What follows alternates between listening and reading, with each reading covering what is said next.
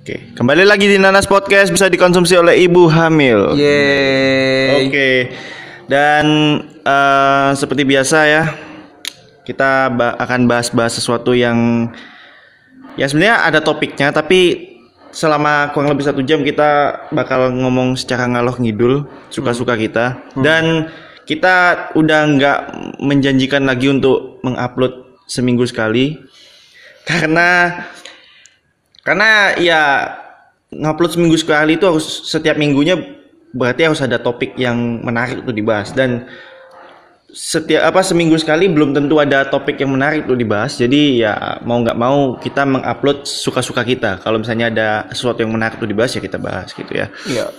nah dan saat ini sudah ada bintang tamu. Eh maksudku tamu aja karena dia nggak dia nggak bintang dia nggak terkenal maksudnya dan di sebelahku ini ada sesosok pria Yang akan berhubungan langsung dengan topik yang akan kita bicarakan pada hari pad- ini. pada hari ini ya pada eh, episode kali ini. Kenalkan diri Anda siapa namanya? Eh, ya boleh di, eh, dikenalkan nama saya Bobby dari Bali. Bobby dari Bali. Ya. Bobby Bali. Ini ada Bobby bola nih Bobby Bali. Ya lanjut. Ya, ya lanjut ya. Oke.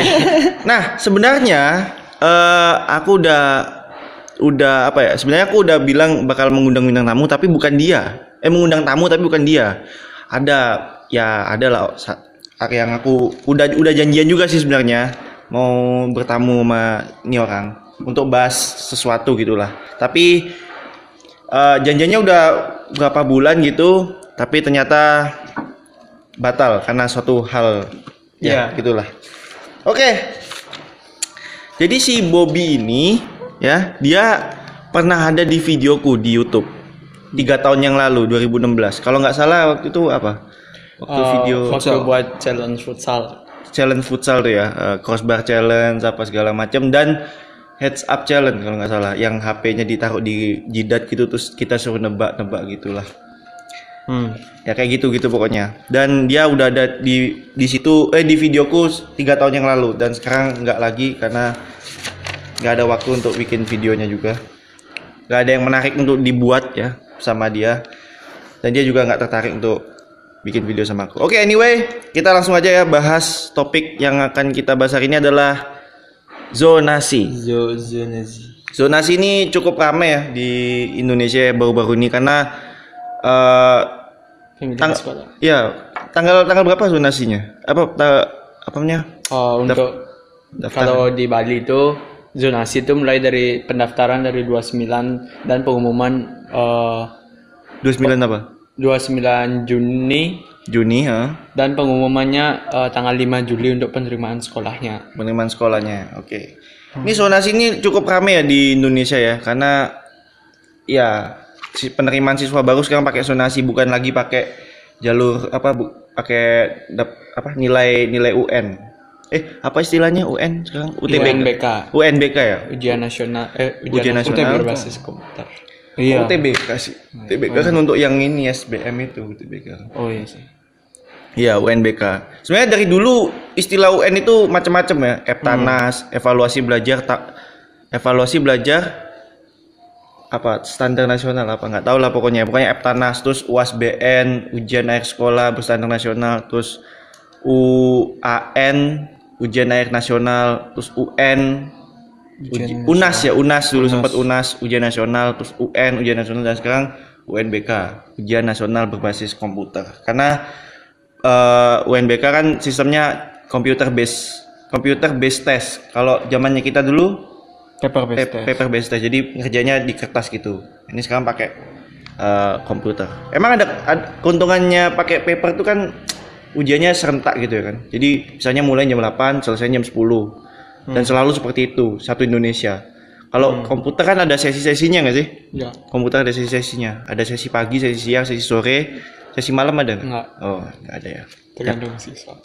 Ya, jadi ada sesi-sesinya gitu. Jadi nggak serentak satu Indonesia jadwalnya sama, nggak. Tapi keuntungannya sih kalau kom computer based test tuh biasanya, eh computer based test tuh anu nggak sih apa? Untuk bocoran soal tuh lebih aman. Oh Maksudnya, lebih aman ya? eh, bocoran tuh nggak nggak kesebar luas gitu loh. Hmm. Tapi ada beberapa yang dapat. Ya, tapi kan di dapat diminimalisir lah istilahnya. Kalau untuk paper based test tuh waduh, Iya, bocoran soalnya tuh ya, bocoran soal terus orang banyak yang dapat kunci jawaban. Ini ini apa buka-bukaan aja lah ya. Ada yang seperti itu soalnya di sekolahku dulu terutama.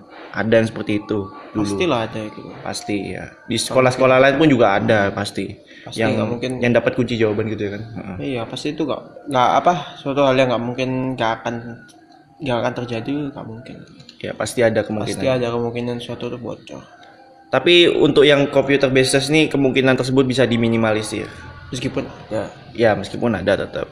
Hmm. Ya. Dan kalau paper test itu kan di diarsir itu nggak sih jawabannya? Ya kayak diurak gitu. Di ya itu udah di di dihitemin, dihitemin. Nah, jawabannya dihitemin dan ada kemungkinan kalau misalnya dihiteminnya salah gitu atau kelewatan apa gimana itu Miring. eh, bakal ngaruh ke hasilnya juga. Tapi kalau komputer kan nggak ada kayak gitu-gitu nggak sih? Dihitemin gitu nggak ada ya. Jadi eh, nilainya udah pasti real gitu. Hmm. Misalnya jawab A salah A gitu. Eh harusnya B gitu salah gitu. Bisa gitu. Kalau paper based kan jawabannya A, udah bener A tapi ini ke- apa hitamnya keluar garis gitu. Nah, bisa tuh ngaruh ke nilainya juga. Oke, udah terlalu jauh ya. Kita ada tweet dari Kemendikbud RI ya tentang zonasi. Silakan dibaca Bobby karena dia tidak ngomong juga ya. Eh, karena zonasi bukan hanya oh, dari Kemendikbudnya, karena zonasi bukan Nah, hanya nah, nah, nah, ini, ini, ini dari sini dong. Oh, sorry sorry. Prinsip utama zonasi adalah mendekatkan sekolah dengan domisilu peserta didik. Domisili. Hal ini juga terkait dengan penguatan pendidikan karakter dan upaya menghapus sekolah favorit karena semua sekolah harus bagus mutunya. Oke. Lalu karena zonasi bukan hanya untuk PPDB tetapi juga unit retribusi Redistribusi. redistribusi guru, perbaikan sarpras, pendidikan, dan lain-lain.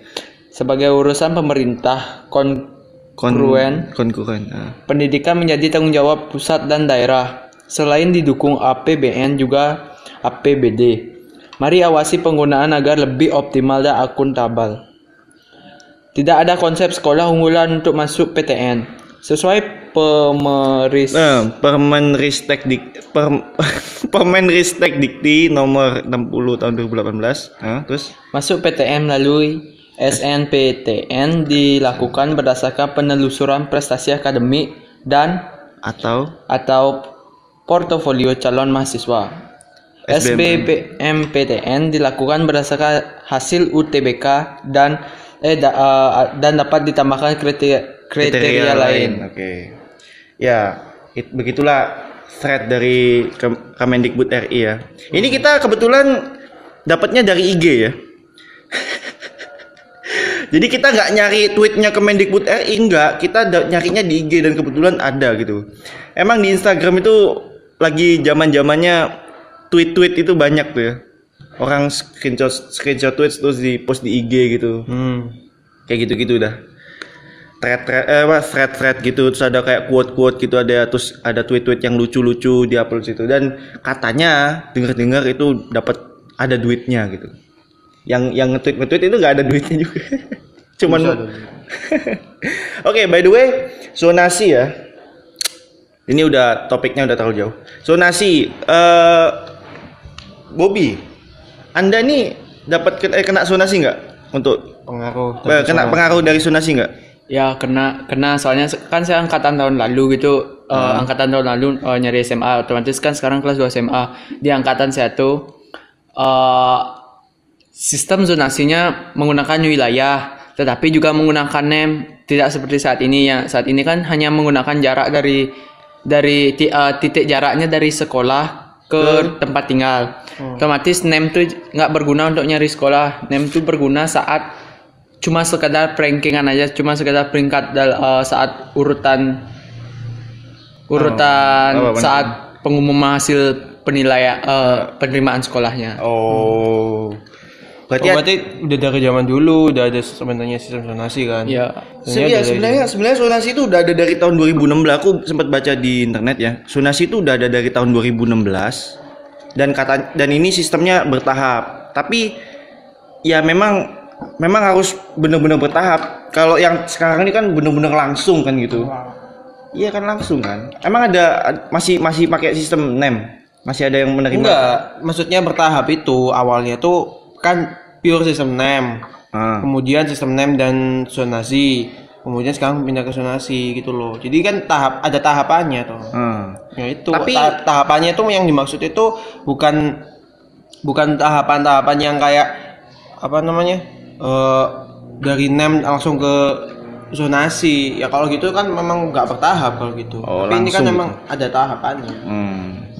Tahapan-tahapan ini yang menurutku tuh em, harus membutuhkan waktu yang lama gitu. Iya, butuh waktu yang lama untuk Jadi antara tahap satu dengan tahap yang lainnya itu tak apa jangka waktunya itu harus harus, lama. lebih lebih panjang daripada yang sekarang. Iya. Iya sih. Emang emang emang zonasi itu emang butuh waktu yang lama sih. Oke. Emang zonasi itu emang butuh waktu yang lama, butuh waktu yang lam- sangat lama karena kan tujuan dari zonasi ini tadi katanya untuk, untuk pemerataan pemerataan dan untuk menghilangkan apa kayak stigma sekolah favorit dalam tanda kutip.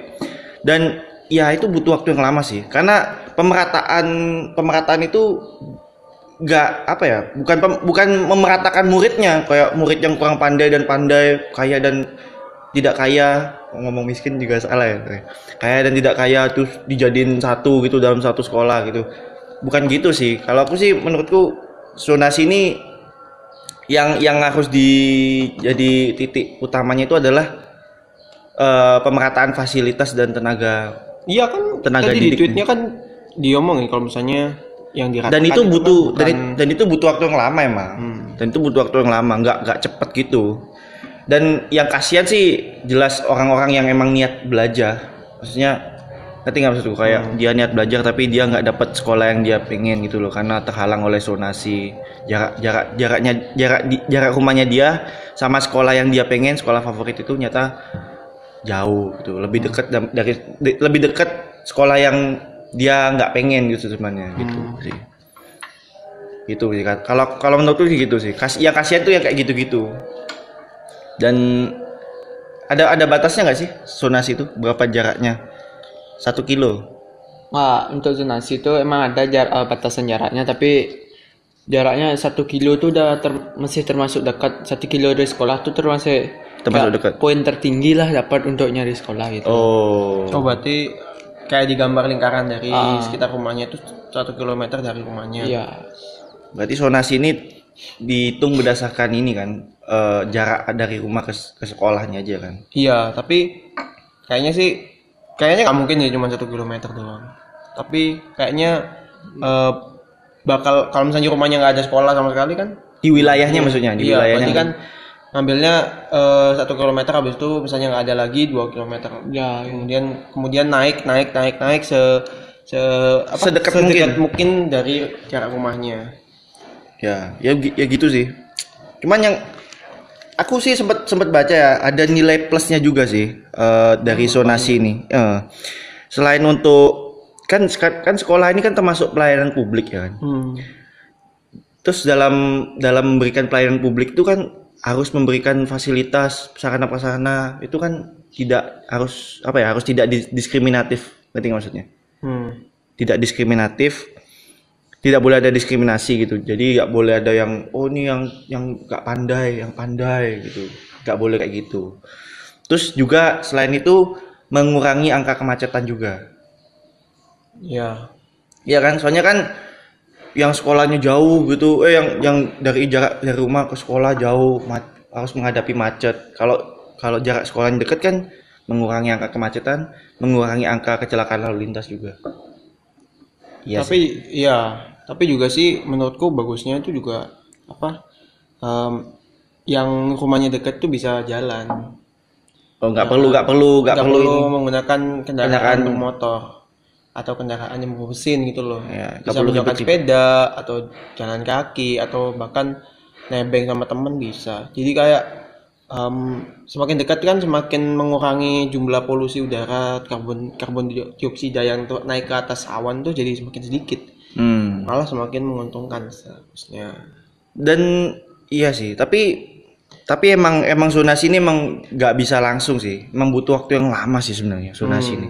Sangat sangat lama. Kalaupun kalaupun mau zonasi ya dari pihak Kemendikbudnya itu sendiri harus ada sosialisasi. Jadi Kemendikbudnya Memang ada sosialisasi kan? Iya, tapi juga harus mendengarkan keluhan dari masyarakat tentang sonasi sonasi itu sendiri kan siapa tahu ada masyarakat yang yang dia anaknya apa di wilayahnya dia tuh nggak ada sekolah yang tadi dibilang tuh Hmm. di wilayahnya dia nggak ada sekolah atau Tapi itu kan bisa diatasi dengan nyari berapa kilometer lagi. Eh, Selain itu, nggak mungkin satu kilometer habis itu nggak ada di satu kilometer habis itu dia nggak sekolah. Iya. Ya kali. Kan pasti kan nyari berapa meter kemudian berapa kilo berapa kilo terus sampai sampai, sedekat mungkin. sedekat mungkin dengan sekolahnya. Heeh, iya sih. Dan dan iya. pemerataan itu sendiri sih, ada kata pemerataan biar tidak ada stigma sekolah favorit. Maksudku sekolah favorit tuh udah dari dulu kan. Hmm. Udah dari dulu stigma sekolah favorit itu udah dari dulu ada. Karena memang memang dia emang memang terkenal memang memang seperti itu, terkenal seperti itu. Memang dia fasilitasnya bagus atau tenaga didiknya bagus atau gimana.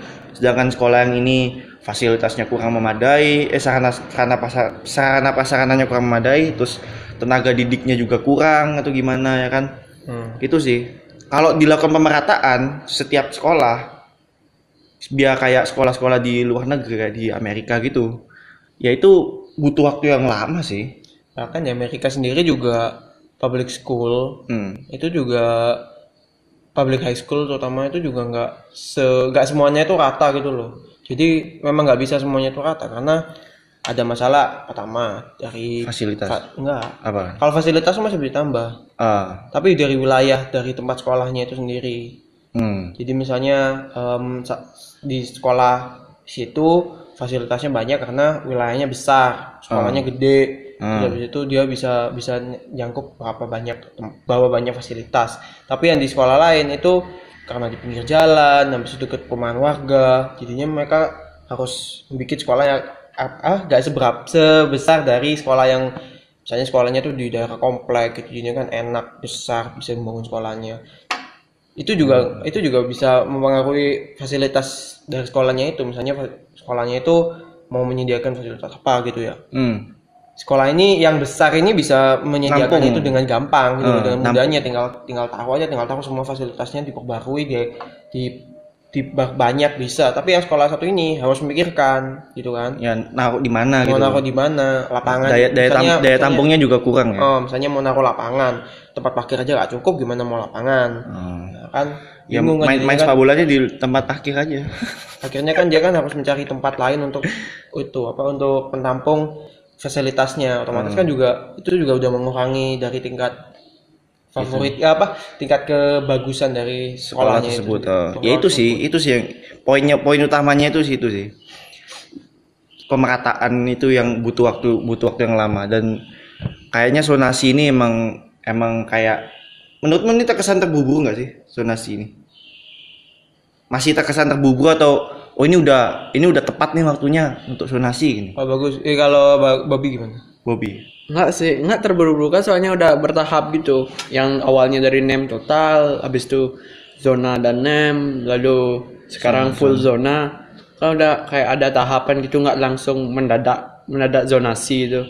Yang tahun lalu hampir hampir eh, bisa dikatakan tuh masih menggunakan kayak pure NEM gitu tapi kayak zona kayak bisa dibuat-buat gitu loh. Kayak domisili palsu gitu. Oh bikin kartu keluarga palsu gitu ya?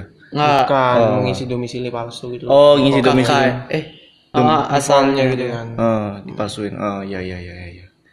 Tapi kalau menurutku sih em, terburu-burunya dalam artian dia bukan bukan dari sistemnya itu terburu-buru, memang sistemnya udah sudah dengan Tahapannya. tahapannya, tapi antar jarak dari antar sistemnya itu itu menurutku tahu cepat. Soalnya ada beberapa sekolah kan yang memang fasilitasnya belum bisa memadai pada saat itu terjadi. Tenaga didiknya juga. Tenaga didiknya juga cara nyari tenaga didik juga nggak segampang Ya, Apa? Gak banyak kan orang yang pengen jadi guru juga kan. Maksud, eh, maksudnya kayak Bukan- gak bukan- banyak guru-guru yang berkual, guru yang berkualitas. Enggak, bukan Apa? gitu. Gimana? Tapi Oh.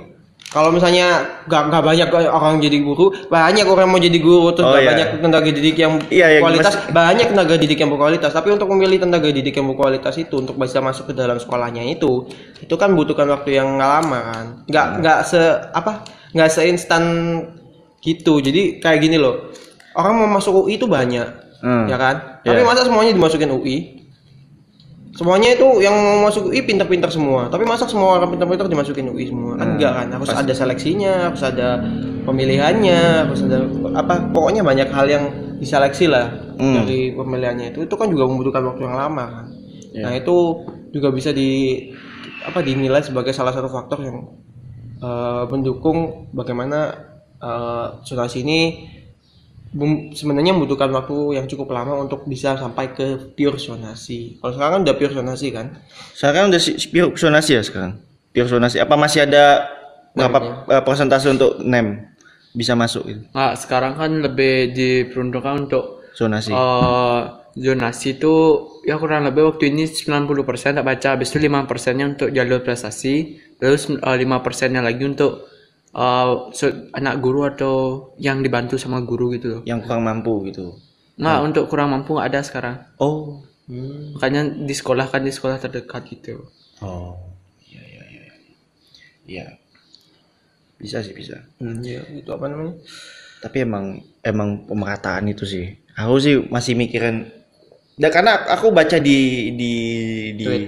di tweet replies-nya tweet itu atau di IG segala macam yang membahas tentang zonasi.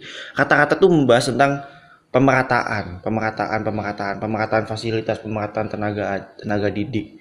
Itu butuh waktu yang lama dan zonasi ini kataku apa kayak harusnya kalau misalnya mau dibikin zonasi sekolahnya itu harus rata dulu secara fasilitas secara tenaga didik baru diberlakukan zonasi Tapi penilaian pemerataan apa? eh, tolak ukur dari penilaiannya pemerataan tuh gimana?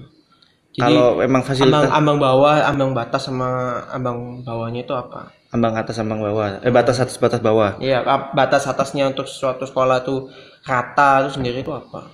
Tolak ukurnya. dari fasilitasnya sama tenaga tenaga didiknya juga apakah ini apa namanya bagus atau kurang atau gimana makanya makanya kalau mis makanya memang perlu ada evaluasi juga sih setiap tahunnya. Nanti nggak maksudku? Jadi biar oh ini dari sini eh, sekolah ini fasilitasnya kurang. Oh sekolah ini tenaga didiknya ada yang kurang apa segala macam gitu. Perlu ada apa ya perlu ada evaluasi setiap tahunnya. Biar sonas sonas ini biar sonas ini bisa berjalan dengan baik. Emang niat niat niatnya Kemendikbud ini udah bagus sih. Hmm. niatnya udah bagus. Tapi ya itu apa? Balik lagi. Sebenarnya sebenarnya sebenarnya sih kalau misalnya ini bakal tapi kan ini kan kembali lagi kan ini kan nggak pure zonasi kan. Ada yang masih jalur prestasi ada yang jalur bantuan dari guru atau anak guru itu kan masih ada. Eh, tapi ya kembali lagi eh, kayaknya sih bakal bakal pasti ada sistem zonasi yang pure nanti di ke depannya nah pada saat nanti ke depannya zonasi pure kataku nih bagus ya zonasi pure dan udah apa kayak fasilitas tenaga didik udah mem- memadai segala macam di setiap sekolah. Kalau yang iya itu. Itu itu itu udah bagus ya? Ya iya tetap zonasi ini akan iya. berjalan sempurna sih harusnya bisa berjalan dengan sempurna kalau misalnya tenaga didiknya dan Fasilitas. fasilitasnya itu udah memadai. uh, udah memadai. Di setiap sekolah? Iya, tapi ya untuk tapi itu juga masih belum belum bisa pasti juga sih. Iya kan itu kan aku bilang apa itu butuh waktu yang lama emang Hmm. emang butuh waktu yang lama Untuk memastikan sebuah sekolah itu untuk untuk memastikan bahwa sekolah, semua sekolah itu fasilitasnya memadai itu pun juga belum pasti bakal terwujud juga. Karena ya tadi itu lahan, terus habis itu biaya dari sekolahnya juga. Kalau biaya sih dari pemerintah sih ya. Tapi ya lahannya sendiri yang aku concernnya itu lahan. Gimana caranya bisa apa memperluas lahan untuk menyediakan sebuah apa? Fasilitas, Fasilitas. menampung fasilitas. Oh iya iya iya. Ya gitu sih. Tapi intinya intinya niatnya udah niat dari Kemendikbudnya udah mulia. Hmm. semoga aja menterinya kayak kementeriannya nggak ganti ya. Karena kalau kalau ganti itu itu yang repot sih. Karena kan ganti menteri ganti aturan. Ngerti nggak maksudku? Yang KTSP ke K13 aja Hmm. itu aja kayak wah kok bisa kayak gitu? Iya awalnya itu kan itu itu kan pas zaman pas zamanku tuh zaman zamannya KTSP K13 Perali, pra- apa? peralihan Peralihan. nah. enggak sih masa percobaan Transisi. Oh, oh, masih masa percobaan. masih masa percobaan jadi kayak Jadi jadi kan coba dua dua sistem gitu ada Oh. K13 ada dua K- KTSP. KTSP Aku pure KTSP sih. Nah, dulu kalian jadi kayak nyoba-nyoba gitu loh. Eh kita coba ini, eh kita coba ini. Aduh. Kalau Anda ini Bobby udah masuk K13 ya? Kalau K13 sudah, tapi kan Masih KTSP? Ada ada KTSP-nya apa? Udah uh, K13 kalau di full. sekolah eh kalau di sekolah lain tuh di Bali itu maksudnya masih ada eh, setengah KTSP, setengah K13 soalnya kayak belum memadai gitu loh gurunya atau Oh, materi Fas- fasilitasnya juga gue. Ah. Iya, iya sih. Balik lagi kan. Balik lagi kan. Kurikulum itu juga nggak. Ya, itu tadi sih. K13 KTSP. Aku sih pure KTSP waktu itu. Pure KTSP. Tapi kan itu kan juga apa em kat apa eh, kurikulum itu sendiri itu kan butuh waktu lama untuk diimplementasikan ke dalam sebuah sekolah. Hmm. Jadi kan K- K13 Bertahap, sebenarnya dan ya, bertahap juga. bertahap juga. K13 sebenarnya bisa kok. Gimana? K3 kurikulum 2013. Asik-asik. Iya, Iklannya. sih. iya kalau misalnya dilihat dilihat dari kacamata luasnya itu ya K13 itu bagus loh sebenarnya. Jadi kalau KTSP kan fokusnya kan adalah pembelajaran, pendidikan kan. Kalau K13 itu lebih ke kayak praktek ya. Gitu ya.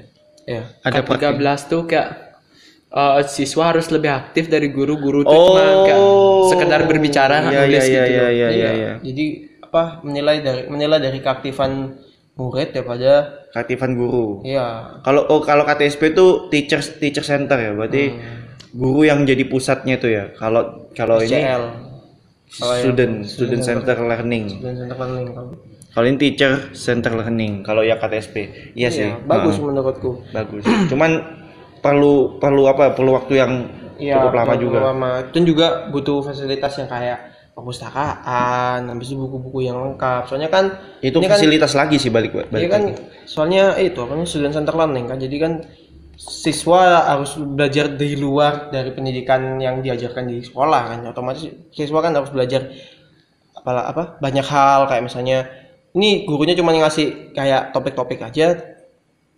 Siswanya harus siswanya harus, harus kayak aktif. mem- iya membedah itu sendiri. Hmm. Membuat kayak kelompok belajar, habis itu membaca buku di perpustakaan dan lain-lain. Tuh. Iya iya iya. Bisa sih bisa. sih. Nah itu tadi pendidikan itu emang emang butuh waktu yang lama sih untuk bikin mem- untuk membuat sebuah, sebuah pendidikan yang bagus itu emang butuh waktu yang lama. Kayak kurikulum, zonasi, apalagi UN terutama. UN kan waktu itu mas aku kalau aku masih masih paper based test. Kalau aku ya masih paper based test dan ak- karena aku KTSP juga masih paper based test. Ada kode soal kode soalnya segala macem dan ya tapi waktu SMA udah mulai ini sih ada kayak sistem 70% soal sedang 10 apa 10% soal sulit 20% soal mudah. Tahu nggak kayak kayak gitu gitu UN kayak gitu? Ada waktu itu kayak gitu sistem. Sistem kayak gitu. Dulu zamanku udah komputer. Udah komputer. Ah, ini juga udah komputer ya? Udah. Ah. Tapi aku pas zamanku itu tryoutnya yang paper based test.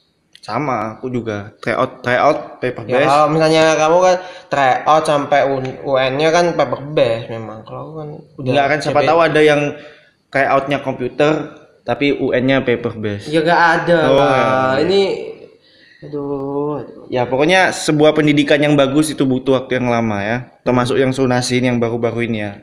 Untuk mel- apa membuat apa menghilangkan stigma sekolah favorit, sekolah unggulan itu ya memang butuh pemerataan yang emang cukup memang butuh waktu yang lama sih. Tapi kan Lagi-lagi. sekolah sekolah unggulan dan sekolah Favorit. favorit. itu kan karena ada perbandingan kan. Ya karena ada perbandingan Karena antara sekolah A dengan sekolah B. Iya, karena ada sekolah A, maka akan ada sekolah B. Karena ada perbandingannya itu ada apa? Bukan perbandingan sih, kayak Komparasi sama aja. ya. iya, bukan kayak bukan komparasi. Jadi kayak adanya yang satu tuh lebih lebih tinggi daripada yang lain gitu loh. Hmm. Maka yang satu ini bakal naik daripada yang lainnya. Akhirnya dibandingkan lagi dengan yang lain-lainnya, akhirnya yang satu ini menjadi yang favorit. Hmm. Kalau misalnya mau diratain semua, bisa, tapi otomatis orang pasti akan mem- membandingkan menitpik lagi lihat lagi yang lebih kecil kecilnya lagi faktor-faktor yang terkecil bakal dilihat lagi. Akhirnya apa? Pasti akan timbul lagi yang namanya sekolah favorit. Dan itu udah berpuluh-puluh tahun udah ada apa stigma kayak gitu ya, stigma sekolah. iya stigma sekolah favorit itu nggak akan hilang. Iya. ya kayak gini kayak misalnya mendingin dari satu sepatu dengan sepatu yang lainnya. Pasti kan kita kan ngeliat kan kayak oh ini warnanya bagus ini warnanya bagus. Tapi sebenarnya semuanya sama sepatu kan. Iya. tapi pasti akan dibanding-bandingkan meskipun dari merek yang sama warna yang sama brand yang sama terus itu tipe model yang sama akhirnya kita kan kayak oh ini oh ini talinya kayak gitu kan akhirnya lihat, lihat yang Sampai talinya kecil-kecilannya. juga. habis oh ini soalnya miring dikit nah kan lihat yang dikit-dikitnya eh, ini bagus nih ini ini nggak ada sol miring oh ini talinya nggak ada yang ini Iya, Dan sebenarnya semuanya sama Kalau saya sepatu sih emang karena selera aja. Ada yang emang suka yang kayak model yang Enggak, tapi kalau ah, misalnya semuanya sama dari kalau misalnya yang kalau dianalogikan sistem zonasi itu kayak sepatu, misalnya semua sepatu sama dari tipe merek model ukuran semuanya sama, pasti kita juga akan nitpick lagi kan. oh, nge- ngebanding Iya, sesuatu yang lebih kecil-kecil lagi kayak ini soalnya Emang emang kayaknya emang dasarnya manusia suka membanding-bandingkan. Ya, jelas. iya. Manusia memang kayak gitu. Kayak ya gak akan bisa Hilang selama emang manusianya sendiri juga suka banding-bandingin. Iya kan emang Sifat alam- dasar. Iya, sifat alami kita yang sukanya Suka banding-bandingkan. mencari yang terbaik dari yang terbaik gitu loh. Oh. Jadi gak, gak mungkin gak ada yang terbaik dari yang terbaik tuh gak mungkin. Pasti ada satu yang oh ini satu sistem ini pasti yang terbaik dari yang terbaik terbaik. Akhirnya kita nyari lagi yang terbaik dari yang terbaik terbaiknya. Ya Dan bakal terus ya, dan seterusnya. Iya sih. Kalau kata pun nggak akan bisa. Butuh waktu yang lama juga. Hmm. Tapi Kalau kata pun kalau misalnya mau- setidaknya emang setidaknya kan sudah di sudah dioptimalkan setidaknya. Ya. Walaupun emang butuh waktu yang yang sangat lama sih buat aku. Ya jadi kayaknya pure zonasi harusnya untuk ke depannya jangan dulu. Ya. Tapi kalau misalnya mau di zonasi pun yang yang mau pakai dan nem apa nilai nilai nemnya itu sebenarnya itu jangan egois juga sih. Maksudnya? Em, yang maksudku tuh eh, kalau misalnya udah pakai sistem zonasi ya harusnya bersyukur gitu loh. Karena kan banyak banyak nilai positif yang dari didapatkan dari sistem zonasi sendiri kan. Misalnya lebih dekat, habis itu lebih bersih kan dari udara Oh, sana, sih, nggak ya. pakai karbon yang terlalu banyak, mesin yang terlalu banyak, habis itu lebih dekat juga, terus misalnya dapat jodoh di sana bisa lebih dekat Ya rumahnya. ampun. Ya kan, bener kan? Kok bawa-bawa jodoh? Iya kan, akhirnya misalnya Ada ini nih, ada ini yang lucu nih tweetnya. Aku pernah baca tweet lucu nih. Jadi, oh ini gara-gara sistem sonasi, jadinya apa namanya? Kalau reunian bisa deket gitu. Reunian, Iya. reunian sama tetangga sendiri. Udah. iya kan akhirnya kalau misalnya dapat jodoh kan juga ngapelnya deket ya kan ya ampun. ya ketemuannya juga di sekolah yang sama terus habis itu pulang pulang bisa nganterin kan Ya deket juga kan nggak ada Kenapa jauh-jauh dari rumah kenapa bawa-bawa sih itu sih? nggak nggak sampai 2 km dari rumah lah enak gitu harusnya bersyukur gitu Dan ada rencana universitas mau dibikin sonasi universitas negeri gitu. Ada rencana seperti itu, tapi nggak tahu sih itu cuman wacana. Semoga cuman wacana ya. Soalnya soalnya soalnya bahaya juga sih kalau universitas negeri dibikin sonasi gitu. hmm. Bisa dibayangin bahayanya kayak gimana gitu. Yang di Bali aja negeri cuman Udayana. Eh, ada lagi nggak? Selain Udayana negeri eh di Bali. Eh, setahunya gue cuma udah ya, nah aja kayaknya. Eh, setahunya Bobby. Iya. iya Oke, ya, eh, ya apalagi ya. Semua pakai nantinya pakai zonasi apa universitas pakai zonasi. Jangan sampai bidang-bidang lain juga kerja di perusahaan apa kerja jadi PNS pakai zonasi, terus nikah pakai zonasi. Aduh, semuanya pakai zonasi kan repot juga. hmm. enggak itu kayak Itu cuman cuman apa, cuman lucu-lucuan aja. ya. ya, nggak mungkin gitu-gitu aja. Ya, pokoknya gitulah ya. Zonasi zonasi bakal berjalan sempurna kalau ada pemerataan dan itu butuh waktu yang lama.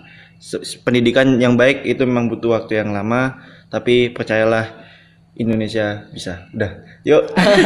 A few moments later. Oke, oke. Ya, bisa ya. Lanjut. Oke, karena barusan ada gangguan ya. Jadi podcastnya sempat terhenti sementara. Padahal tadi udah bahas tentang zonasi tadi. Tadi sempat sempat syuting lagi sebentar. terus dua menit nyata gangguan lagi. Dan ya sekarang udah gak ada gangguan lagi bisa podcast sampai selama mungkin ya. Oke. Aduh capek banget tadi. Semua ketiganya ngos-ngosan. Oke eh, kita sebenarnya bahas tentang zonasi ini bukan berarti kita masuk eh, sekolah negeri kita berdua ya terutama ya Ya, kalau si Bob ini emang dia sekolah negeri tadi udah bilang dia sekolah di eh dia sekolah di sekolah negeri. Kalau kita berdua ini sekolah swasta. Bukan suatu yang dibanggakan eh, bukan suatu yang bisa dibanggakan ya sekolah swasta. Tapi paling enggak enggak sih. Bisa sebenarnya kan apa? Semua sekolah sebenarnya sama Hmm, dan sekolah swasta juga sebenarnya bisa dibanggakan juga, cuman kan apa? Pembahasan kita itu kan lebih ke ke arah sekolah negeri. eh, kalau Tapi swasta kita- nggak ada aturan apa-apa kayak gitu. Iya, soalnya ya memang Nggak ada kaitan sama pemerintah juga sih. Mm-mm. Ya. Jadi eh, kita tuh kayak tadi tuh cuman komentar aja. tentang ya tentang zonasi itu ya. Soalnya yang kena zonasi itu kan cuma sekolah-sekolah negeri. Hmm. Sekolah swasta nggak ada yang eh, sekolah swasta nggak kena eh, zonasi. Hmm. Ya, jadi begitulah. Dan anyway, kedatangan Bobby di sini bukan untuk podcast karena kita aja nggak ngerencanain podcast sama si Bobby ini ya. Hmm? Sama sekali nggak ngerencanain podcast. Sebenarnya awalnya memang aku ngerencanain podcast itu ada ada bintang tamunya, tapi karena ya itu tadi sudah dibahas di awal bintang tamunya eh, udah janjian dari sebulan yang lalu terus nyata dia apa nyata ada suatu hal dan endingnya batal jadi aku mencari replacement gitu istilahnya dan kebetulan si Bobby bisa gitu untuk diajak podcast eh, membahas tentang zonasi karena dia sempat kena dia kena zonasi tapi nggak sepenuhnya ya? Ya, Ah. masih pakai nem. masih pakai nem juga oke. Nah dia kedatangan dia di sini sebenarnya untuk perawatan. Perawatan wajah. Karena kalau kalian lihat di kalau misalnya misalnya kalian bayangin aja dah mukanya dia berjerawat dan jerawatnya ini banyak banget. Nggak cuman di di pipi ya Hmm. tapi juga di da, di dagu di dagu ya Dagu, di hidung dahi, leher punggung bad, ah, seluruh badan lah sampai kaki dan dan bagian yang lainnya Hmm. kecuali ketiak eh nggak ada ketiak Punggung ada. juga punggung. juga ya ya itu- tadi kok udah dibahas punggung nah dia juga dirawat di situ tapi kan it- yang bagian-bagian selain wajah nggak nggak di, nggak dilakukan perawatan dong masa eh, jerawat di punggung di gitu-gituin juga dirawat juga ngapain kan? Cuman yang cuman di bagian wajah aja. Dan dia baru eh, dia be- beberapa hari yang lalu udah ngelakuin perawatan dan ya kalau dilihat gimana mukanya? Daripada yang belum kemarin? belum kelihatan bedanya terlalu signifikan sih cuman kayak lebih kempes gitu aja. Ya. Bisa bedaan signifikannya belum soalnya kan memang belum apa? Belum lama kan baru beberapa Hari. hari, aja kan Hmm. belum sampai seminggu ya itu dua minggu aja belum seminggu apalagi Soalnya kalau kalian bayangin jerawatnya emang banyak sih gitu. Dan ya itu tadi sih.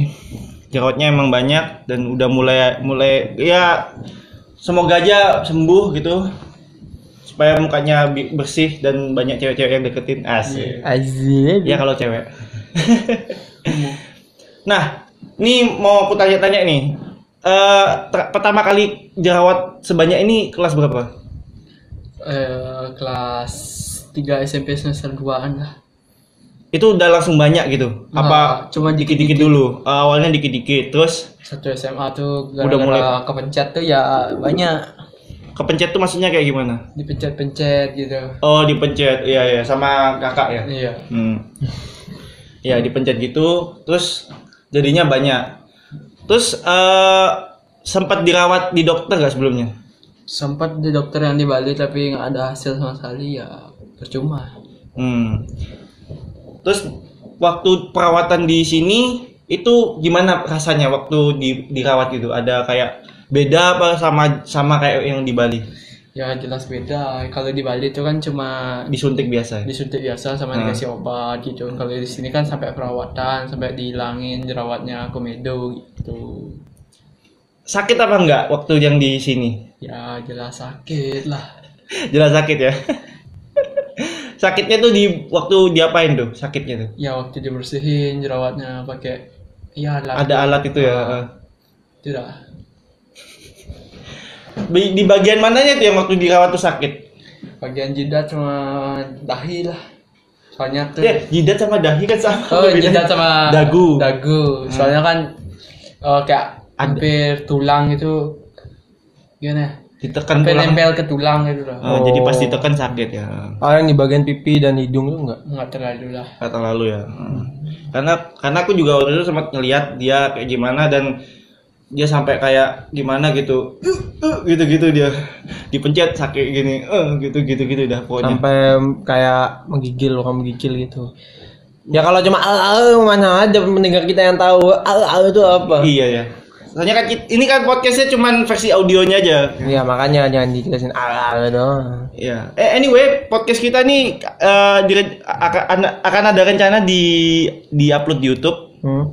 semua episodenya kita. Tapi kira-kira kapan nih podcast kita di upload di YouTube? Tanggal berapa? Enggak tahu.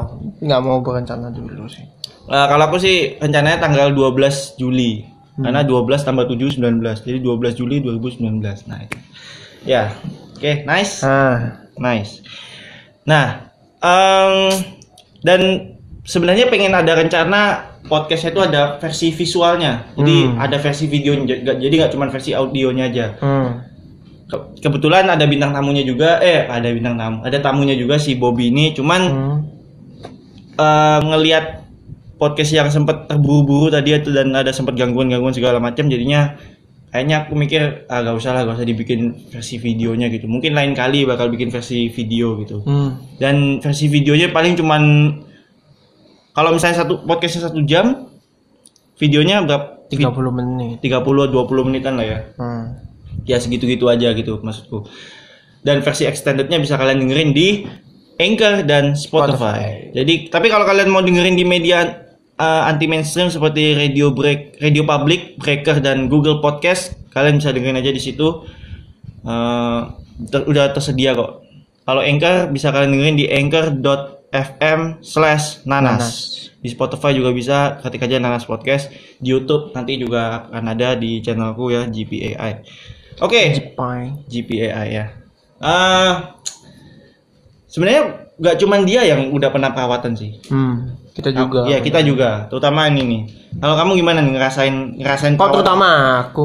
Oh iya, Terutama oh iya saya sendiri ya. eh, Nah nggak bisa kalau, kalau, ente. kalau, kalau kamu gimana ngerasain? Dulu kan memang dulu kan kalau aku sih dulu gak banyak jerawat sih. Dulu lebih banyaknya tuh komedo. Hmm, terus Dulu komedonya banyak di bagian apa dagu sama hidung dulu banyak banget komedonya. Cuman kalau jerawat sih dikit dari. Emang dari dulu udah gak jerawatan cuman komedoan. Ya udah habis itu gak nggak nggak disuntik gak disuntik kan gitu kok. Cuman kayak di Dibersihin di, dibersihin sama dicabutin komedonya. tapi tapi sakit tapi. sakit kan apa namanya awal-awal kan dulu gak tahu kan gimana rasanya di Dibersihin dibersihin gak jerawat Oh, komedo. komedonya itu ternyata tuh ditekan gitu tekan-tekan terus itu di apalah pakai alat yang apa Alat besi gitu. Besi yang bolong ujungnya itu loh habis itu tekan tekan tekan tekan Iya. keluar semua. Wah, sakit banget. Apalagi kalau yang di dagu tuh sakitnya minta ampun. Soalnya kan tapi kan itu kan dulu aku pikir tuh kan cuman kayak mau jenggot mau tumbuh gitu. Makanya keluar kayak bintik-bintiknya itu tuh komedo. Pas mau di gitu kan aduh sakitnya minta ampun. Iya, itu kram tuh rasanya. Kalau kalau aku sendiri udah pernah sih. Kalau aku sendiri udah Lebih pernah sering. sampai pal- leb- ya malah sering banget dulu jerawatku banyak banget dan gede-gede. hmm. Terus ya gitu udah lakuin perawatan gitu. Ya, ya gimana gimana sakit apa enggak sakit lah. berapa kali perawatan tiga kali apa empat kali Empat kali kayaknya aku nggak salah kalau nggak salah ingat empat kali. Dan yang terakhir itu udah paling paling sakit dan aku udah nggak mau lagi. Soalnya waktu itu jerawatnya gede empat, terus keempat empatnya disuntik gitu. Dan ketika disuntik itu kan diangkat jerawatnya tuh. hmm. ketika disuntik itu nggak boleh nggak boleh mengeluarkan ekspresi apa pun. Jadi harus diem harus datar gitu mukanya. Soalnya kalau misalnya disuntik pakai bereaksi nahan sakit gitu apa kayak ya mukanya meng- mengkerutkan muka. Ya mengkerutkan muka gitu. Takutnya suntikannya geser gitu. Hmm. seret gitu. Wah kan bahaya gimana? Jadi jadi harus muka datar gitu. Dan ya gimana caranya kan disuntik muka disuntik tangan aja bisa gitu kan. Bisa bisa mengkerutkan mengkerutkan muka, apalagi mu- mukanya langsung disuntik gitu ya kan. Tepat di muka gitu. Jadi apalagi empat kali aku disuntik. Dan ya itu udah terakhir kalinya aku di, di apa perawatan wajah dan habis itu nggak mau lagi. Ya kayak gitulah. Pertama kali sih sama. Yang sama pertama kayak dia. kali gimana? Yang pertama, pertama kali? ya itu Kelas sama kayak, kayak itu? dia. Dulu kelas kelas berapa? satu SMA kelas 10 kelas 10 kelas satu SMA ya. Heeh. gimana itu pas pertama kali itu gimana? Sakit. rasanya pas pertama kali. Ya sakit lah. Ya kira biasa aja gitu. Ya kan biasa aja terus lama-lama kok sakit ya gitu. aduh aduh sakit-sakit gitu. Abis itu eh dulu posisinya jerawatmu tuh banyak atau sedikit? Banyak tapi nggak sebanyak si Bobby. Bobby sampai sampai jidat kan. Ya aku nggak sampai jidat. Jidat masih masih aman. Ya, betul. dia cuman pipi sama pipi hidung dagu udah gitu aja. Hmm. sama ya itu aja sih. Leher nggak sampai sih. Ini sampai sampai leher loh bayangin. Iya sampai leher. Leher lehernya juga kena. Hmm. gitu. Tapi ya endingnya kayak gini lah mukanya. Masih bopeng. Ya, gitulah. So, habis itu pas pertama kali tuh bagian paling sakitnya gimana? Pasti. Semua. Semua? Semua pipi sakit dagu. Eh, kan pokoknya ada yang nggak nggak cuman nggak cuman di bagian yang ada tulangnya gitu kayak dagu terus di samping-samping pipi, samping bawah pipi kan ada tulangnya tuh. Nah, itu kan juga sakit. Hmm. pipi juga sakit sebenarnya. Hmm. pipi juga sakit. Jidat juga di jidat juga sempat ada tapi nggak nggak sebanyak si Bobby ini. Tapi Hmm. tetap sakit tapi kan soalnya tulang kan. Tuh makanya sakit. Hmm. terus yang pas pas kedua kalinya itu kelas berapa nah aku nggak nggak inget ya Duh. yang kedua sama ketiga gak ingat? Dua tiga. Pokoknya yang terakhir Yang itu kelas itu kapan? terakhir itu kelas kelas 12 12 pas 11 12 12 kelas 3 SMA ya 3 SMA kalau yang kedua tiganya kayaknya kelas 1 kelas 2 SMA deh. Kelas 2 eh kelas 1 masih tetap kelas 1 yang kedua yang ketiganya kelas 2 kelas 2 Kelas SMA. SMA. yang keempatnya kelas 3 SMA kelas 12 habis itu kuliah udah nggak lagi perawatan. Jadi cuman ya biasa aja gitu. Apa cuman cuci muka biasa. Kalau nggak salah abisnya di abisnya perawatan tuh kamu dikasih apa abis itu Bobby? Dikasih masker. Eh, eh, masker itu kayak masker kolagen gitu. Loh. Heeh.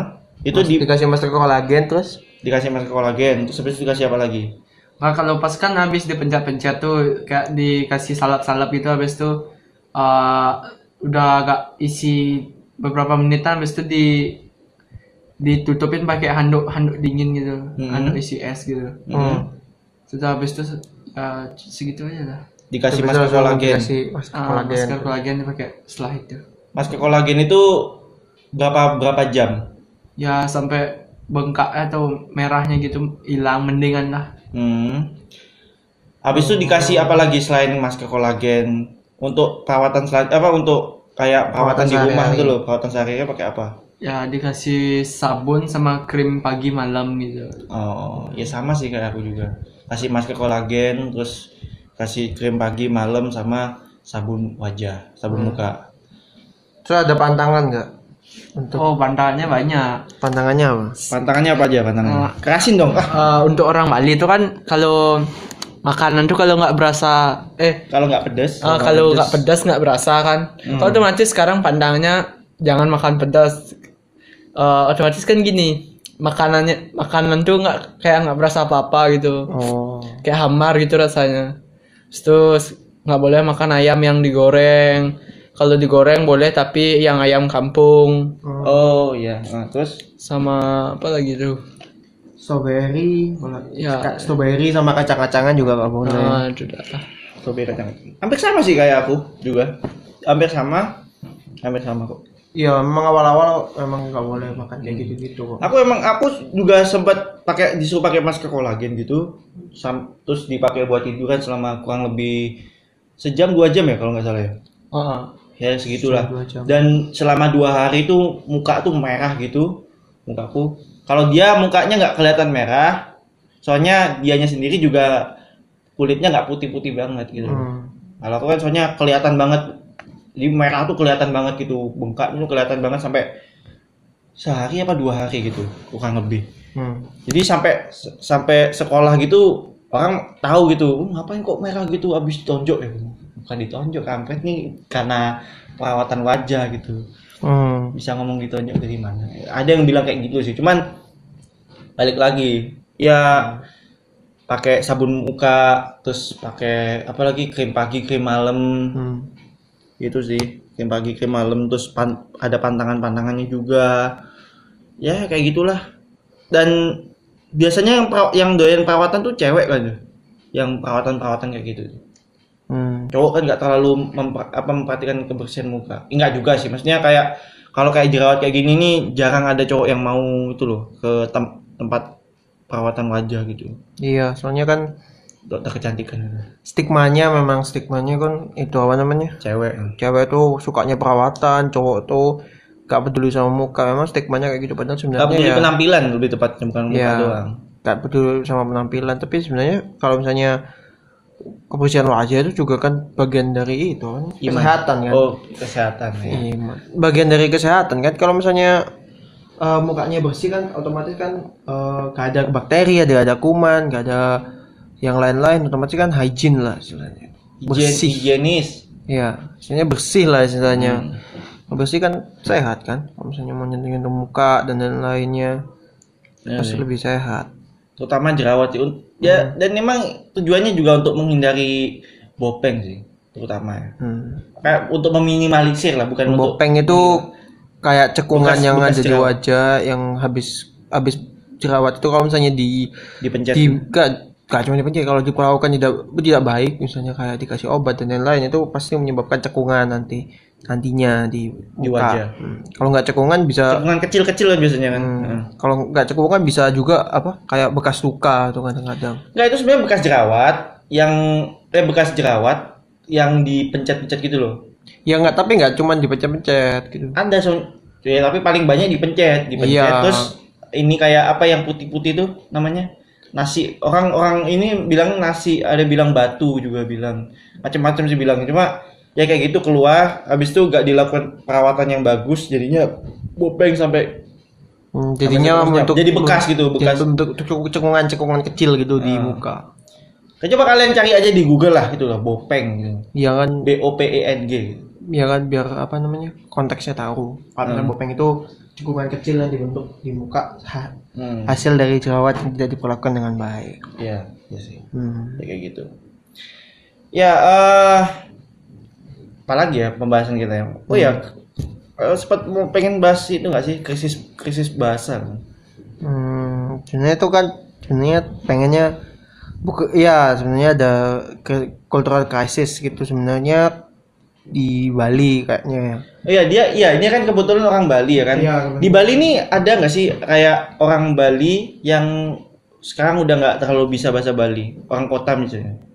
orang kota tuh lebih ke gini apa namanya kalau orang kota banyak pendatang itu otomatis lingkungan eh, pengaruhnya yang orang lokal jadinya orang kota yang asli orang lokal gitu dia tuh nggak nggak bisa ngomong bahasa Bali tapi masih ngerti itu diajak ngomong bahasa Bali itu Hmm. Ya kan kamu punya teman soalnya.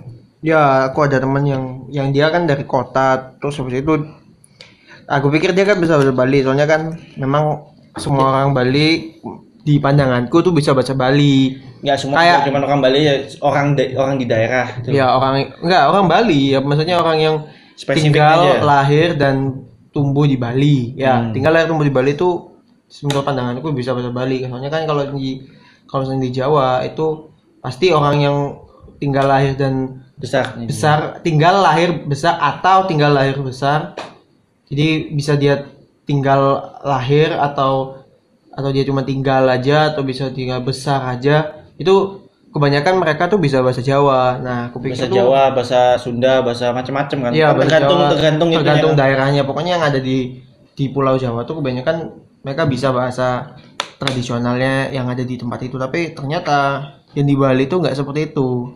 Hmm. ternyata ternyata yang di Bali itu ada orang yang lahir besar tumbuh gede juga. Itu nggak bisa bahasa Bali. Malah dia bisanya pakai bahasa Indonesia.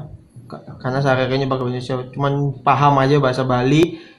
Sering mendengar tapi nggak pernah bisa bahasa Bali. Nggak bisa nggak pernah bisa ngomong pakai bahasa Bali. Tuh kira-kira kalau di lingkunganmu gimana? Ada emang kayak gitu di lingkungan. Konsentrasinya banyak atau sedikit atau? Kalau di lingkungan Bobby itu ya ya? itu kan le- or- eh, lebih ke orang-orang desa itu otomatis kan dia eh, bisa. bahasa Bali. Dan lingkungan Bobby itu kayak gini letak sebagian besar orang Jawa. Hmm. itu juga banyak bisa bahasa Bali. Soalnya kan eh, masih di daerah desa gitu.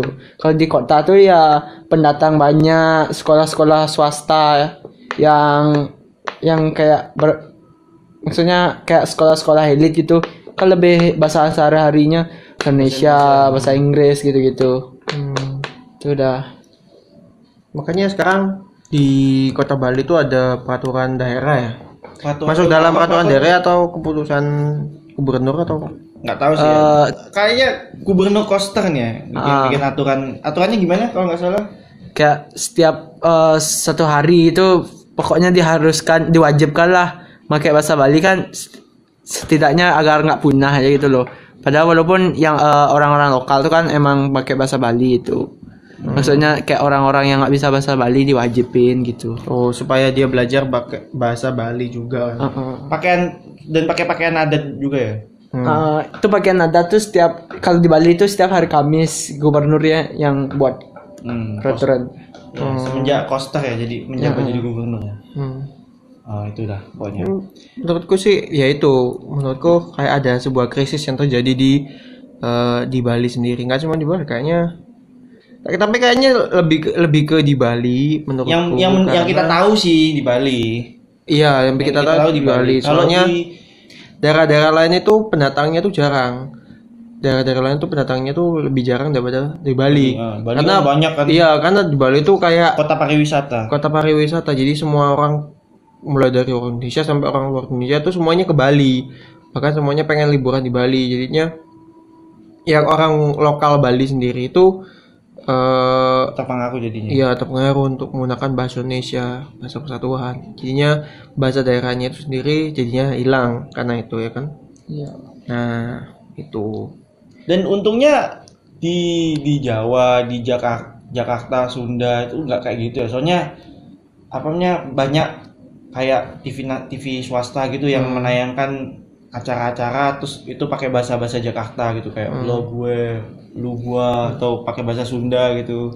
tapi Ya, sebenarnya eh, tapi di Bali juga sebenarnya ada Bali TV itu TV swasta kan Heeh, TV swasta. iya Tapi sebenarnya- kan cuman Bali aja yang dapat gitu. Di Iya, iya, iya. Jadi gini loh. Jadi di Bali sendiri itu ada TV swasta yang menayangkan selain TV nasional ya. TV nasional kan pasti menayangkan pakai bahasa daerah dari TV nasional tersebut. Hmm. Misalnya TVRI. Nah, tapi selain di, di TVRI juga ada Bali TV. Itu TV nasional yang menayangkan pakai bahasa-bahasa Bali kan. Ada kayak Kidung Bali, terus habis itu kayak tari-tarian barong dan lain-lain juga kan Ya. ditayangin di Bali TV. Apa aja sih yang ditayang? Eh, di Bali Selain- TV itu ditanya ya kayak tadi tarian, kidung, nyanyi-nyanyian Bali, habis itu kayak paduan suara ya sejenis kidung-kidung gitulah. Hmm. Habis itu ya rata-rata eh tapi di beberapa acaranya ada cuma kayak nanya komentar orang-orang asing kayak turis-turis gitu bagaimana keadaan Bali kayak gitu-gitulah. Hmm. Terus ada juga berita juga kan. Ah, berita. Berita yang dia pakai bahasa Bali. Terus juga ada yang uniknya di Bali, ada nggak unik sih sebenarnya di setiap daerah pasti ada lagu yang pakai bahasa Bali, ya kan? Pasti pakai pakai bahasa daerah. Di setiap da- setiap daerah pasti ada itu, termasuk di Jawa juga ada. Cuman ya kalau di Bali itu dia dia termasuk banyak dan setiap di Bali TV itu selalu ditayangkan kalau nggak salah ya. Iya. Lagu-lagu Kayak lagu-lagu Bali gitu Pop habis gitu. itu. Iya, lagu lagunya tuh genrenya pop. Kalau misalnya di Jawa kan genrenya lebih ke Dangdut. dangdut kan. Kalau di Bali tuh lagu-lagu pop yang pakai bahasa Bali gitu banyak banget. Nah. bahkan ada yang sampai bikin album Ah, gitu. Nah, ini cuman kalau yang orang ba ya, kalau yang bahasa Bali itu jarang ada yang ada kayak influencer yang itu loh. Ngerti nggak maksudku kayak kayak Via Valen Hmm. kan dia kan nyanyi lagu dangdut pakai bahasa Jawa. Via Valen terus apa Nela Karisma juga ya? Iya. Nela Karisma. Eh, apa salah dangdut? Itu nggak sih lagunya? Aku lupa. Ada ada bahasa Jawanya tapi. Ah, ya, tapi khususnya Via Valen lah. Itu kan dia kan melestarikan Jawa kan. Bahkan si Bobby aja tahu gitu loh. Ah, seartinya juga tahu dia yang lagunya sayang tuh. Iya. Nah. Ada tuh pakai bahasa Jawa. Hmm. Nah, kemudian eh Bayuska bikin Yois Band. Yois Band 1, Yois Band 2 yang 80% eh filmnya tuh berbahasa Jawa. 80% filmnya. Itu juga juga juga salah satu upaya untuk melestarikan melestarikan apa ya? Melestarikan bahasa bahasa, daerah. Hmm. Soalnya aku pen- aku pernah ngeliat influencer bukan influencer sih kayak aktor-aktor artis-artis yang memakai bahasa Bali tapi cuman aksennya doang tapi bahasanya tetap bahasa Indonesia eh foto-foto lu eh, gitu-gitu dan Logatnya gitu loh. logatnya aja ya logat atau aksen cuman itu aja tapi bahasanya tetap bahasa Indonesia Hmm. kalau di itu. kalau di Jakarta kan ya Kalau bukan cuma tuh- aksennya doang tapi juga se sebahasanya juga Iya, kayak lo gue cabut terus apalagi Hmm. ya kayak gitu gitulah pokoknya. Kalau bahasa Sunda juga ada yang kayak gitu. Hmm. eh apa? Eh eh gitu gitu dah pokoknya. Kalau di TV-TV nasional yang ada di Indonesia pada saat ini yang biasanya dilihat di TV yang biasanya kalau misalnya pakai TV kabel atau yang lain-lainnya itu biasanya pasti pakai bahasa bahasanya bahasa bahasa bahasa bahasa Betawi atau enggak bahasa bahasa Sunda. Lebih ke bahasa bahasa gitu. Soalnya memang lokasi dari TV TV swasta tersebut. Iya, lokasi dari TV swasta tersebut tuh Jakarta. ada di Jakarta dan mereka pasti ya castingnya di deket-deket situ terus bikin filmnya deket-deket situ. Jadinya jadinya mereka nggak kayak ke tempat-tempat yang lain misalnya kayak ke Bali atau ke ke Bali. Cuman kayak buat liburan aja terus ke Pap- ke Papua cuman buat liburan aja. Ke Nusa Tenggara tapi cuman buat liburan aja. Ke Kalimantan cuman buat liburan aja. Jadi kayak cuman ke sana tuh cuman ke satu spotnya itu terus liburan balik lagi. Akhirnya ke Jawa juga akhirnya ke ke Jakarta juga ke Bandung juga. Akhirnya balik lagi ke tempat-tempat yang asalnya. Nggak mau Nah. nge-explore gitu membuat Mem- sinema situ. Mem- memang ada sih selain Jawa memang ada kayak eh, apa namanya kayak Batak terus Batak Padang hmm. terus apa lagi ya bahasa-bahasa da- dari daerah Sumatera gitulah Batak Padang itu memang ada sih cuman ya gimana ya cuman aksennya doang lagi-lagi jarang yang sampai ke ke bahasanya juga Iya, ikut. cuman Tulang, cuman mereka tulang gitu. Tahu cuman tulang. mereka tuh eh, memperkenalkan aksennya dulu jadi biar biar kayak ada perbedaan eh, daerah dari ini daerah sini. Oh ini orang ini dari daerah sini. Oh ini orang ini dari sini. Cuman kayak perbedaan daerah saja tapi sama aja gitu loh. Pakai bahasanya pakai bahasa Indonesia juga logatnya tetap juga logat logat daerah Enggak, situ. logatnya tetap logat daerah situ heeh. cuman logat aja yang dikenalin tapi bahasanya enggak. Ya banget. juga ada terus yang ini waktu Indonesia Timur hmm. kan tetap aja pakai bahasa bahasa Indonesia Indonesia juga. juga. cuma logatnya aja logat logat logat ketimuran Timur. gitu Hmm. logat-logat apa kayak orang ya timur lah pokoknya kan, Hmm. kan timur kan banyak kan nggak cuma Papua doang tapi juga Maluku ada Nusa, Nusa Tenggara ada apa Sulawesi juga Hmm. ya kayak gitu gitulah pokoknya cuman itu cuman aksen lagi-lagi cuman Iya. aksen doang bahasanya enggak nah ada kayak lagu apa ya karena susah tuh itu lagu dari mana tuh Ah, Papua, Ambon, Papua kayaknya. ah aku nggak tahu Bener nggak tahu apa Iya rasa cinta karena susah sayang kayak gitu gitulah pokoknya. Ya. nah itu bagus sih menurut aku sih. Ya langkah yang bagus untuk langkah yang bagus untuk melestarikan bahasa juga. Oh ini artinya. Orang jadinya penasaran oh ini artinya apa sih? Ini ini ini, ini dia dicari tahu artinya segala macam gitu. Ya bagus sih. Bagus bagus mungkin ada mungkin nantinya ada influencer influencer yang memakai bahasa daerah untuk melestarikan bahasanya gitu. Mungkin ada influencer Bali gitu mungkin nggak tahu ya. Iya. yang pengen pengen apa kayak bikin lagu Bali terus dia terkenal gitu. Sebenarnya banyak sih lagu Bali cuman eh, mereka tuh terkenalnya ada di di Bali, aja di gitu Bali ya. Bali aja. Iya kan cuma di Bali Bali aja. Dengarnya apa sih di Bali itu habis itu masuk ke daerah lain itu nggak ada lagu itu Iya mereka mereka nggak mereka relevannya cuma di Bali dan Hmm. ketika dia di luar Bali udah nggak lagi. Iya. Sedangkan un- untuk yang Jawa tuh nggak cuma Jawa, Iya, cuman Jawa. semua daerah tuh juga Iya. dengerin gitu. Semua daerah dengerin. Mungkin mungkin orang Bali cocoknya bikin lagu dangdut mungkin entahlah Ada tapi kan? ada emang orang Bali bikin lagu dangdut Ah, nggak tahu. Kayaknya Tapi orang Bali ada. orang Bali kayaknya banyakan bikin pop gitu. Hmm. yang aku tahu sih SID itu jering jering.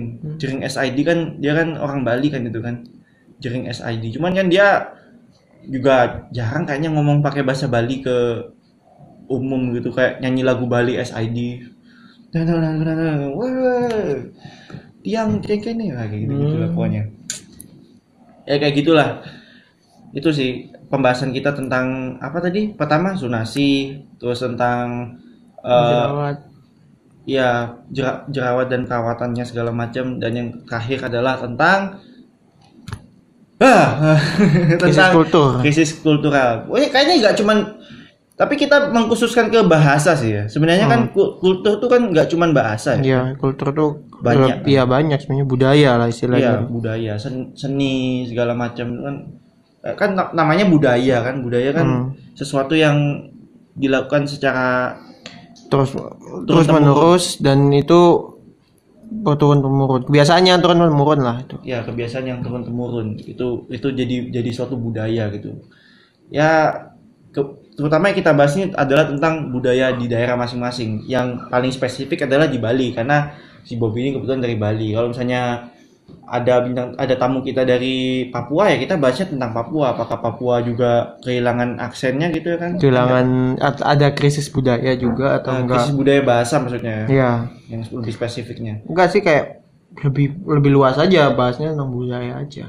Tapi kalau Bali kan sebenarnya budaya yang enggak yang masih tetap itu tarian, itu masih ada kan? Oh, gamelan. gamelan Tambel itu masih ada.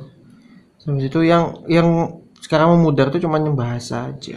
yang mulai memudar sih Ya, mungkin kalau misalnya kita punya bintang tamu dari daerah lain, kita bakal tanya budaya apa yang masih ada atau yang, sudah muda memudar, di daerah mereka. Dan langkah langkah gubernur Bali Koster ini langkah yang bagus sih. Iya. Langkah yang bagus. Bahkan gubernur Koster bikin peraturan gubernur tentang pemakaian sampah plastik sekali pakai kalau nggak salah. Iya, Peraturan sampah gubernur. sekali pakai. Ha. Heeh. Dan itu adalah satu, satu apa yang pertama kalinya di Indonesia peraturan gubernur pertama tentang Hmm. itu.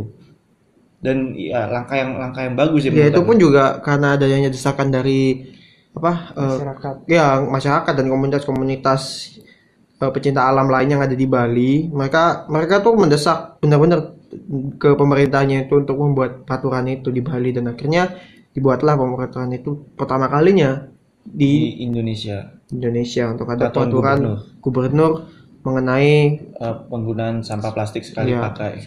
Eh kok sampah plastik penggunaan plastik sekali pakai. Kalau nggak salah itu ya kalau nggak salah namanya. Aku nggak nggak nggak. Kalau misalnya plastik salah dikoreksi tolong. styrofoam dan apa gitu lupa Eh, ya kayak gitu. macam-macam kok Hmm. tapi sebenarnya ada sih sebenarnya peraturan itu cuman implementasinya yang kurang baik Dan Bali jadi pertama yang pertama. Sih. yang pertama Katanya kali. sih Bali pertama, cuman nggak tahu lagi apakah apakah di, di daerah eh di provinsi lain dibuat kayak gitu juga aku juga nggak tahu ya. Cuman Hmm. Bali jadi provinsi pertama yang membuat itu dan itu langkah yang bagus juga sih Hmm. dari Gubernur Koster selain eh, di apa bahasa itu tadi melestarikan budaya bahasa.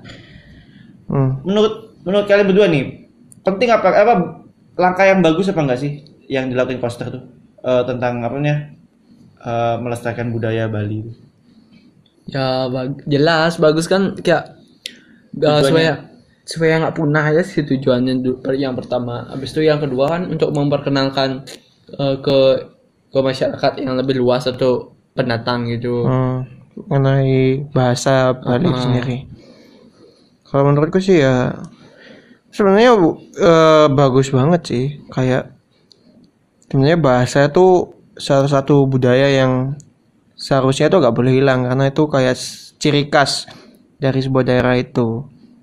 Bukan cuman logat atau aksen tapi bahasanya itu sendiri itu merupakan ciri khas untuk daerah tersebut. Jadi kalau misalnya daerah tersebut hilang bahasanya atau hilang aksennya atau eh, enggak sih hilang bahasanya coba cuman mempertahankan aksennya aja tapi itu menurutku juga jelek dan langkah ini langkah yang bagus sih sebenarnya. Jadinya ya ya soalnya akan ada pembiasaan masyarakat untuk menggunakan bahasa Bali itu sendiri ini, ini yang spesifiknya Bali ya Iya, spesifiknya Bali. Nggak Karena kan yang yang dibuat patokan kan Bali Ya, maksudku yang kita tahu sih. hmm. Kan kita nggak tahu yang di daerah lain loh ya. Kayak eh, Batak atau Padang. Tapi kalau untuk Jakarta, Sunda, Jawa itu udah nggak ada masalah sih untuk un- untuk urusan kayak gitu-gitu. Soalnya anak-anak mudanya aja kebanyakan ma- masih pa- apa masih pakai bahasa kayak gitu juga gitu. iya pakai bahasa Jawa Bahasa Jawa, bahasa Jakarta, bahasa Sunda masih banyak kok yang masih pakai bahasa bahasa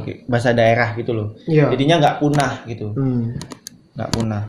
Walaupun memang memang sih kalau untuk bahasa persatuan tetap bahasa Indonesia tetap. iya Itu yang nggak boleh hilang. Jangan tiba-tiba bahasa Indonesia jadi bahasa Inggris gitu ya. Jangan dong. di bahasa Belanda lo Iya ya aneh juga ya. Orang Indonesia nggak pernah diajarin bahasa Belanda. Apa karena dia trauma pernah dijajah Belanda? Tiga setengah abad nggak tahu lagi. Ya. soalnya kan bahasa Belanda kan cuman relevannya kayak misalnya buat eh, Ke Belanda hukum. hukum tuh kan hukumnya kita kan masih Pakai hukum Belanda. pakai hukum Belanda kan. Hukum Belanda zaman dulu bukan hukum Belanda zaman sekarang. Ya. kita masih terbelakang. Masih tetap pakai peninggalan peninggalan zaman dulunya Belanda. Jadi kalau untuk belajar pakai bahasa Belanda itu cuman relevannya kalau misalnya ada di hukum misalnya kita belajar hukum atau memang pelajari hukum di hukum dari Belanda atau hukum secara keseluruhan itu harus belajar bahasa Belanda ya. tapi kalau misalnya buat yang lainnya ya belajarnya bahasa Inggris lah ini kan bahasa internasional kan yang disepakati oleh internasional kan bahasa Inggris jadi Bahasa Inggris aja bukan bahasa yang lain Prancis. apa? Prancis sama Prancis sih. Jadi ya paling belajar Monzo, Monzo. ya Toslejo. Prancis, Aduh. terus habis itu Inggris dan Iya sekarang sekarang yang paling maju kan negaranya kan China paling bahasa China Man- Mandarin. Mandarin. Jepang enggak? kan kita di sempat dijajah tiga setengah tahun oleh Jepang. Jepang kan cuman kayak kita ngadain kerjasama. Nippon Cahaya Asia. Cuman kayak ngadain kerjasama aja jadi kalau misalnya mau belajar Jepang ya harus belajar bahasa Jepang. Kalau bahasa Jepang sekarang kan Jepang kan angka mortalit mortalitasnya kan tinggi kan angka kematiannya. Ya. Jadi sepertinya tidak akan menjadi negara maju lagi. Ah, bis, tetaplah masih bisa jadi negara maju sih. Enggak. Kesempatannya tuh lebih ke China daripada ke Jepang. Ya, ya, tapi bisa lah lebih maju dari tetap lebih maju dari Indonesia. Itu sudah pasti. Enggak, maksudku ya ya ini sih, ah, ini yang yang bagus dari Jepang sih. Eh, ini si Bobby kampret tidur dia. Ya. Nggak, ini yang bagusnya dari Jepang. Jepang, Korea kan nasionalitasnya tinggi. Ya. Jadi kesenian kesenian jadi bahasa bahasa mereka tuh nggak hilang gitu loh. Untuk lagu-lagu di luar negeri Bukan nggak hilang, mereka bahkan eh, nggak m- lebih ke nggak mau mempelajari bahasa dari luar gitu. Jadi biar orang luar tuh belajar bahasanya mereka, ngomong sama mereka gitu. Hmm. Jadi kalau misalnya ke Jepang, semua logo-logonya ya pakai bahasa Jepang. Gak ada yang logo, ada sih logo-logo yang pakai bahasa Inggris, tapi lebih sering pasti lihatnya tuh bahasa Jepang semua. Soalnya mereka tuh pengen ya neg- karena nasionalisasinya tinggi, jadi biar negara orang lain yang belajar bahasa kita gitu loh. pendatang maksudnya pendatang Iya. dari luar. Pendatang dari luar belajar bahasa kita. Nanti mereka bisa tanya, pakai bahasanya kita gitu loh. Hmm. Makanya mereka nggak mau, lebih ke nggak mau belajar bahasa Ko- Korea pun juga sama. Korea juga sama. Korea. Makanya kan lagu-lagu dari boyband girlband Korea kan meskipun di luar neg- di luar negeri juga tetap pakai bahasanya mereka kan Korea kan. Hmm. Terus juga anime dari Jepang juga pakai tetap pakai bahasa Jepang kan nggak pakai bahasa Inggris juga kan. Oh, Iya. Bahkan orang-orang luarnya yang menerjemahin sendiri gitu. Iya, luarnya mau nyobain buat dibawa keluar. Hmm, itu sih. Jadi ya Indonesia harusnya kayak gitu juga sih. Ke, terutama yang daerah ya. Hmm. Kayak gitu sih. Ada ada apa namanya? eh, misalnya karya dari karya dari contoh dari Bali atau dari Batak, dari Padang gitu. Hmm. Ya itu pakai bahasanya mereka gitu. Aku aku nggak tahu sih youtuber dari Bali siapa sih namanya?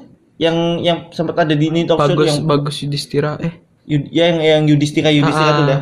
Yang dia kan dia kan orang orang Bali kan itu kan? iya Orang Bali, tapi dia di YouTube-nya jarang pakai bahasa Bali kan. Mm, tapi kayak logat-logatnya tuh masih Logatnya aja kan. logatnya nggak bisa dihilangin tuh Logatnya aja tapi bukan apa tuh tadi? Logatnya aja tapi kan bukan bahasanya, bahasanya tetap bahasa Indonesia. Nah, sangat disayangkan menurut aku sih. Harusnya dia coba coba aja dia satu video atau beberapa video lah gitu. Pakai bahasa Bali atau coba dia pakai challenge satu bulan pakai bahasa Bali gitu di videonya dia. Dia dia upload tiap apa satu video apa satu bulan 30 video. Kan satu bulan 30 hari. Nah itu 30 video dan semuanya itu pakai bahasa Bali dan pakai ad- ada terjemahan bahasa Indonesianya gitu. Kalau dia nggak males sih. Tapi aku yakin dia pasti bisa kok. Maksudku tujuannya kalau dia bisa kayak gitu pasti bagus lah. Karena tujuannya dia juga untuk melestarikan budaya juga ya kan? Ya gitu. Soalnya kan yang terkenal kan cuma dia kan youtuber Bali. Ah. yang terkenal. Yang ada sih yang yang lain. Subscribernya 2 jutaan Iya, yang paling yang paling banyak eh yang paling terkenal sih ya ini si Yudhistira Yudhistira ini. Yang lainnya ya aku nggak nggak nggak nggak begitu kenal ya, cuman ya gitulah. Kalau di Jawa kan ada Bayuskak, ada iya Bayuskak ya di Jawa. ya? iya ada Di Jawa Bayuskak, di Jakarta banyak, di di Bandung banyak, di di Padang ada ini siapa Pras Teguh nggak tahu aku mati penasaran. Terus di Batak gak tahu. Terus ya pokoknya yang lain-lain juga ada lah pokoknya. Ya kalau misalnya mereka bisa kayak gitu apa kayak melestarikan budaya daerahnya dengan pakai bahasa daerah ya itu bagus sih. Cuman kalau aku sebagai youtuber nggak mau sih kalau pakai bahasa daerah sih. Nggak tahu kenapa ya pakai bahasa yang yang lebih formal aja yang lebih umum aja pakai bahasa Indonesia aja. Untuk bisa dipahami oleh banyak orang. Ya bahasa Indonesia. Tapi kadang-kadang pakai bahasa Inggris gitu biar kayak anak jaksel asik. Which is which is literally. Oke mungkin segitu aja dari kita ya. Eh, ada yang pengen ada yang pengen dibahas lagi? Nggak ada? Ya enggak nggak ada ya? Mungkin kalau ada yang kurang bisa ditambahin ya. Karena ini bakal di diupload di YouTube juga se- podcast kita ini. Dan ini kayaknya bakalan ribet ngeditnya. Karena karena aku harus nge- nge- apa nge apa nyatuin lagi video yang sebelumnya yang se- yang sebelum kita ada gangguan itu tentang zonasi dengan video yang yang ini. Jadi ya tugasku ini untuk ngedit eh, audionya terus aku bakal upload tanggal tanggal 2 atau ini kita syuting tanggal 2 tapi nggak tahu lagi bakal aku upload tanggal 3 atau tanggal 4 nggak tahu. Semoga ada sempat waktu lah ya. Dan ini sebentar lagi mau kembali ke kampung halamannya dia jadi terima kasih ya sudah menyempatkan waktu untuk apa tadi? Datang. untuk bukan datang untuk untuk Podcast. ngobrol di podcast Nanas Podcast. Ya mantap. Sebagai tamu ya bukan bintang tamu. Oke mungkin segitu aja dari eh dari kita ya. Ya, Eh, subscribe channelku GPAI follow sosial media mediaku Instagram dan Twitter GPAI dan gimana dengan anda? Um, Big Beji YouTube nanti paling ada yang di bawah subscribe aja Ya. Dan untuk dia nggak usah ya sosial medianya karena karena nam Nggak penting. nggak penting juga ya. Nggak penting ya. Jadi ya itulah. Dan ka- untuk kalau kalian mau dengerin podcast ini kalian bisa dengerin di anchor.fm/nanas di Spotify juga dan yang eh, nantinya bakal aku upload di YouTube ya GPAI. Kalian bisa dengerin di GPAI. Tanggal 12 Juli akan aku upload secara berkala. Oke, mungkin segitu aja dari kita ya. Sampai jumpa di episode yang selanjutnya. Bye. Dadah.